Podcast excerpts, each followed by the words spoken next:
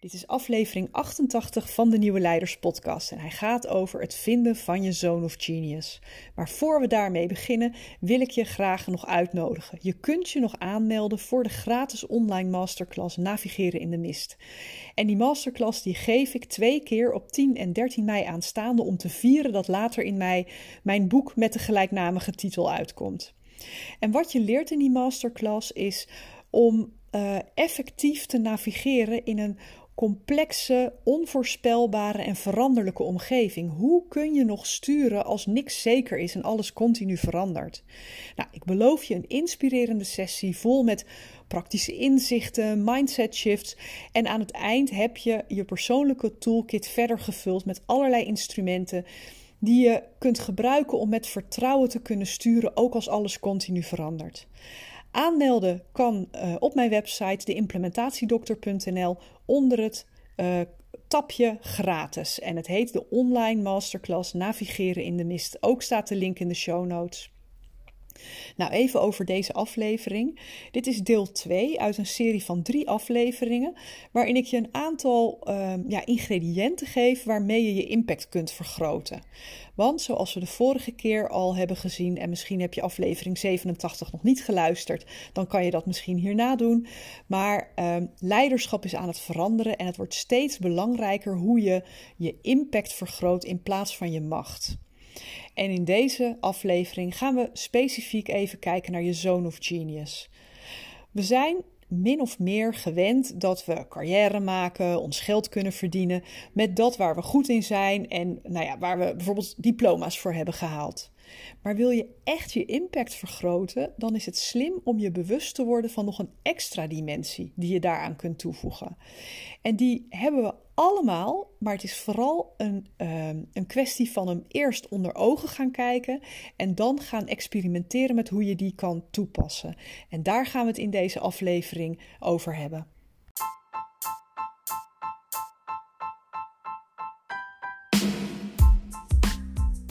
Nieuwe tijden vragen om nieuw leiderschap. Mijn naam is Petra Kuipers en vanaf deze plek neem ik je mee op onderzoek naar hoe we nieuwe vormen van leiderschap kunnen ontwikkelen in organisaties, in teams en, niet in de laatste plaats, bij onszelf. Samen herschrijven we de definitie van leiderschap. De Nieuwe Leiderspodcast is een podcast vol inspiratie en informatie voor formele en informele leiders. Let's go! In de vorige aflevering, uh, aflevering 87, hebben we het gehad over hoe leiderschap aan het veranderen is. En dat er op dit moment een, een kentering gaande is waarin je al nou ja, kan ervaren op heel veel plekken dat impact, met andere woorden, um, uh, los van formele hiërarchische posities, dat dat effectiever is dan het uitoefenen van macht. En we kennen allemaal wel voorbeelden van mensen die helemaal geen formele rol of functie hebben uh, in organisaties en die toch achter de schermen heel erg veel invloed kunnen uitoefenen.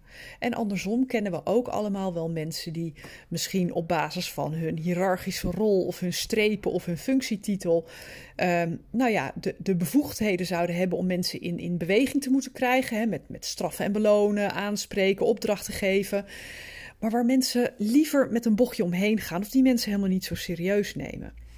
En dat is iets wat je eigenlijk door de hele uh, samenleving, maar vooral ook door heel veel organisaties heen een beetje ziet gebeuren. En we hebben vorige week uh, een begin gemaakt met kijken wat zijn nu de kenmerken van die nieuwe leiders. Hè? Wat zijn nu die mensen die zonder formele titel toch uh, een soort ja, rimpeling in, in gang zetten. Die invloed uitoefenen die ja, niet onopgemerkt blijft. Nou, die mensen die maken bewust of onbewust gebruik van een paar ingrediënten die maken dat we van binnenuit in beweging komen. Die ons als het ware uh, uh, intrinsiek uh, prikkelt om mee te gaan werken of mee te gaan doen.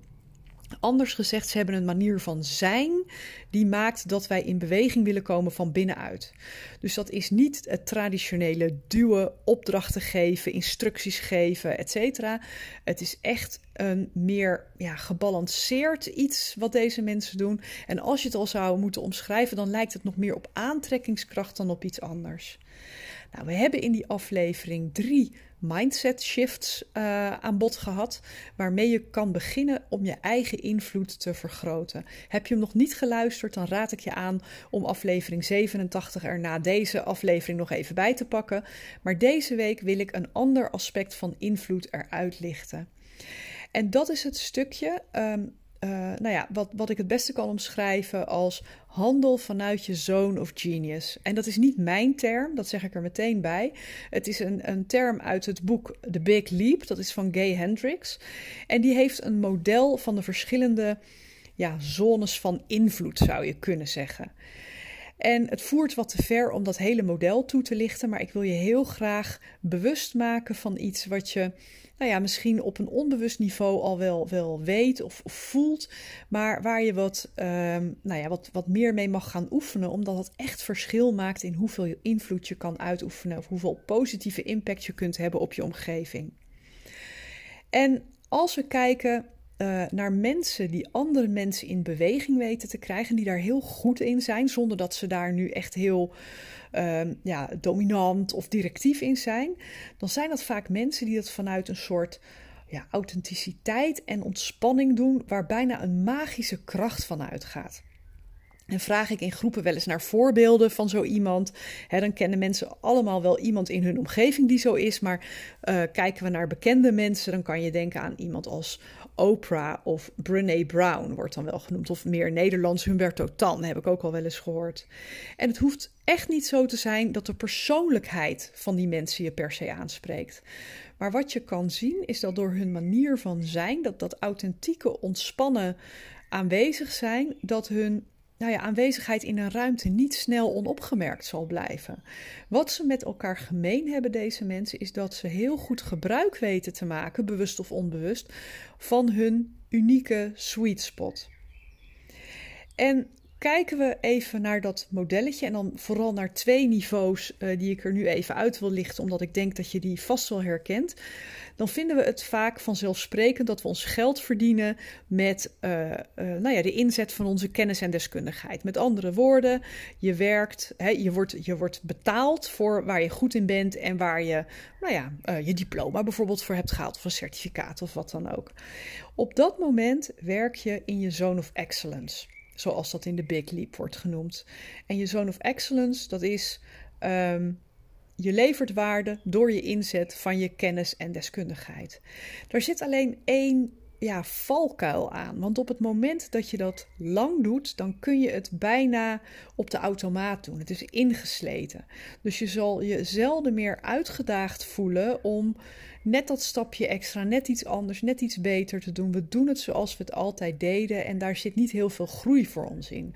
Het is ja, een soort van uh, uh, routine. En dat kan dus zelfs uiteindelijk een soort sleur worden. Kijk je nu naar um, waar je nog een dimensie zou kunnen toevoegen, dan is dat um, dat je de, ja, dat net dat unieke element eraan toevoegt waar je van nature talent voor hebt. En dat is iets wat je vaak herkent, omdat je, het gaat je heel eenvoudig af, zo vanzelfsprekend dat het je helemaal geen energie kost of dat je er zelfs energie van krijgt. En als je dat eraan weet toe te voegen, dan heb je je zone of genius te pakken. Dat gaat namelijk helemaal voorbij aan wat je hebt geleerd, waar je een diploma voor hebt. Het gaat echt over wie jij bent en vanuit uh, ja, uh, aan, en over wat jij um, ja, vanuit je essentie aan waarde kunt toevoegen aan het geheel. Als je dat stukje eraan toevoegt, dus dat waar je energie van krijgt, wat je vanzelfsprekend afgaat, wat heel erg past bij wie jij bent, dan tap je als het ware in op jouw natuurlijke aangeboren unieke talenten. En dat is een heel belangrijk deel um, van de magie waarmee je krachtiger wordt in je impact. En pakken we nog even het voorbeeld van, uh, van Oprah erbij, hè, want iedereen kent haar en of ze nu aanspreekt of niet. Um, uh, we weten allemaal waar we het over hebben.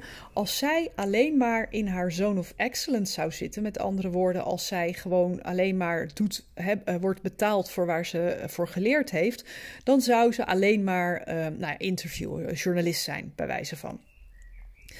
Maar wat zij doet, is zij voegt daar een unieke, persoonlijke en soms ook wel kwetsbare aanpak aan toe. dus zij is in die zin um, uh, een hele unieke interviewster, omdat ze een hele uh, oprechte verbinding lijkt aan te gaan met de mensen die tegenover haar zitten. En dat maakt dat zij enorm krachtig is in haar impact. Mensen worden daar letterlijk door aangetrokken als een soort, als een soort magneet. wat zij ook aanpakte, door daar dat hele unieke, bijzondere sausje aan toe te voegen, werd het eigenlijk allemaal heel uh, bijzonder en succesvol. Kijk je naar een ander voorbeeld wat ik nog wel eens uh, genoemd hoor worden, Barack Obama. Uh, die is in zijn Zone of Genius op het moment dat hij speecht hij kan natuurlijk heel goed uh, gewoon, hij, nou ja, wat je er ook van vond, hij was uh, president. Ehm, hij had daar een bepaalde ervaring mee opgedaan in dat politieke circuit. Maar op het moment dat hij begon te speechen, uh, merkte je dat hij een soort ja, begenadigd storyteller is. Hij wist hele mooie metaforen te gebruiken. Hij gebruikte een hele beeldende taal, maar hij deed dat ook met een bepaald ritme en een bepaalde ontspanning, waardoor hij op een hele natuurlijke manier mensen um, de aandacht wist vast te houden, maar ze ook wist te raken op een manier die binnenkwam. En wat die unieke sweet spot is, is voor iedereen verschillend. We zijn allemaal geboren met een unieke set aan, aan vaardigheden, aan eigenaardigheden, aan eigenschappen. Ik heb het al vaker gezegd. Maar stel nou dat dat niet voor niks is. Dat het juist is dat je dat stukje bij jezelf mag gaan ontdekken en mag gaan inzetten, omdat dat jouw unieke uh, waarde in de wereld zet dan, dan wordt het een heel andere manier van denken over talenten. Dan is het niet, we gaan ons werk doen op de manier ehm, eh, zoals al mijn voorgangers het hebben gedaan, of zoals al mijn collega's in dezelfde rol dat doen. Nee, ik ga mijn werk op een manier doen waarin ik ook mijn unieke uh, unieke waarde, mijn unieke essentie in de wereld kan zetten. En voor het een zit die essentie in het maken van een goede sfeer. En daar denken we, als, we hè, als dat heel dicht bij je ligt, het maken van een goede sfeer, als je dat heel, heel makkelijk vindt, dan denken we daar vaak te licht over. Dan vinden we dat zo vanzelfsprekend dat we het zelf eigenlijk helemaal niet zo ja, niet zo indrukwekkend vinden. Dat we dat voor elkaar krijgen. Dat we een team weten te smeden van een groepje op het oog hele losstaande individuen. En dat die aan het eind van een sessie gewoon echt als een groep zijn. Dat hebben wij dan gedaan door die sfeer. Maar dat, dat, dat, erkennen we niet zo makkelijk. Een ander staat graag voor een groep om ze te, uh, te stimuleren, te motiveren, om een goed verhaal te vertellen. Uh, een derde krijgt misschien heel veel energie van het bedenken van hele slimme oplossingen voor taaie of complexe problemen. En die werken helemaal niet zo graag samen met andere mensen, maar die zijn heel goed in het ontrafelen van hele. Uh, ja, misschien wel technische of hele, hele complexe, hele moeilijke uh, vraagstukken.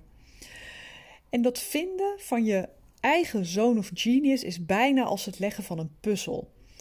En die eerste twee stukjes die heb je waarschijnlijk wel. Hè? Als jij al weet voor welke kennis of ervaring je op dit moment betaald wordt. Hè? Wat doe je in je werk? Wat voor diploma's heb je en wat voor banen heb je en, en hoe ben je daaraan gekomen? Dan weet je wel waar jouw zone of, zone of excellence zit.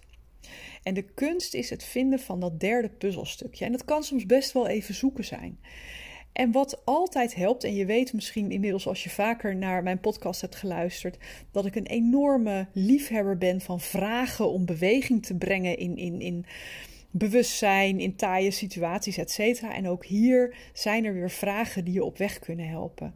En een paar voorbeelden daarvan, en kijk maar eens wat, wat bij jou een laadje in je brein opentrekt, is um, welke activiteiten kosten je nagenoeg geen moeite of energie?